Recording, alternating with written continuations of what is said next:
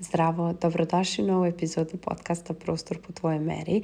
U današnjoj epizodi pričat ćemo o tome, to jest o nekim idejama za reel bez da se vi prikazujete lice da vi nešto pričate ukoliko niste slobodni kao što sam ja slobodna. Ova ideja mi je došla zato što dosta ljudi ne želi da, da bukvalno snima reelsove da objavljuje reels zato što misle da moraju nešto da pričaju u kameru ili moraju da pokazuju prostor, a nemaju, na primjer, urađene projekte, pa evo neke ideje koje vam mogu koristiti. Možete, na primjer, da se snimate dok pišete, dok crtate neki projekat na kompjuteru, dok zapisujete neke ideje na papir. Bukvalno snimite svoje ruke šta one rade. Sljedeća stvar jeste da a, imate neku sliku i tekst u smislu to može biti e, slika rendera i onda ide preko neki tekst koji se bukvalno ide onako kucka se slovo po slovo, prikazuje se i eto već imate drugu e, ideju za reel. Sljedeća stvar jeste možete da imate usporen snimak nečega, bilo čega, znači to može biti, ne znam, da vi prikazujete lajsne na zidu koje ja sad gledam pa mi je to palo na pamet i da to bude usporeno i da onda preko toga ide neki citat ili da ide neka uh, vrednost u koju vi verujete, bilo šta.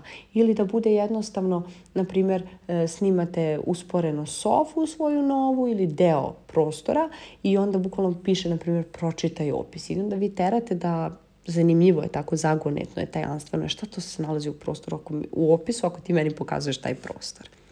Sljedeća stvar jeste pakovanje, odnosno raspakivanje. Kako vi, um, to ne mora bude uh, uh, konkretno fizički proizvod, da kažem pakovanje, raspakivanje, to može da bude i prikaz kako vi šaljete, na primjer, klijentu uh, njegov projekat. Ja ga šaljem i u fizičkom smislu, odnosno predam u fizičkom smislu, a šaljem i preko PDF-a, preko maila Tako da, na primjer, možete kako pakujete, a što se tiče raspakivanja, ukoliko ste, na primjer, zamenili sofu, zašto ne biste e, snimili kako je majstori raspakuju. Evo ga, još jedna ideja.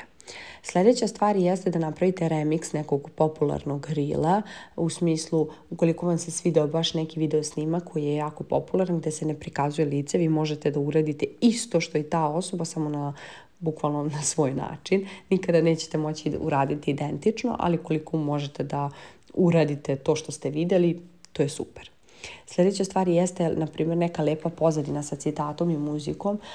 Ovo se jako često koristi ukoliko želite da motivišete dalje svoje klijente, da im date neku inspiraciju, da im pokažete nešto novo, na primjer, testimonijal ili tako dalje.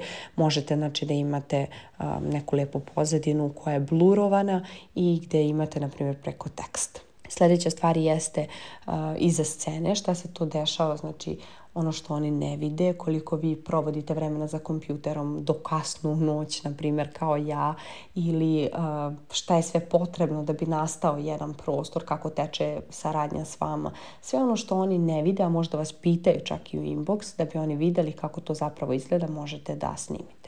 I još jedna zanimljiva ideja, poslednja, osma, jeste pre i posle, jako popularno, jako vole ljudi to. Naprimjer, pre možete staviti slike, a bukvalno posle vaše rendere snimke ne moraju to čak ni da budu izvedeni projekti, nego bukvalno da se vi pokažete kao ekspert kako bi vi to nešto uradili. Eto, to je tih osam ideja za reel bez prikazivanja lica, bez vas u tom reelu. Tako da uh, Nadam se da će on koristiti, a mi se čujemo u narednoj epizodi. To je to, ćao!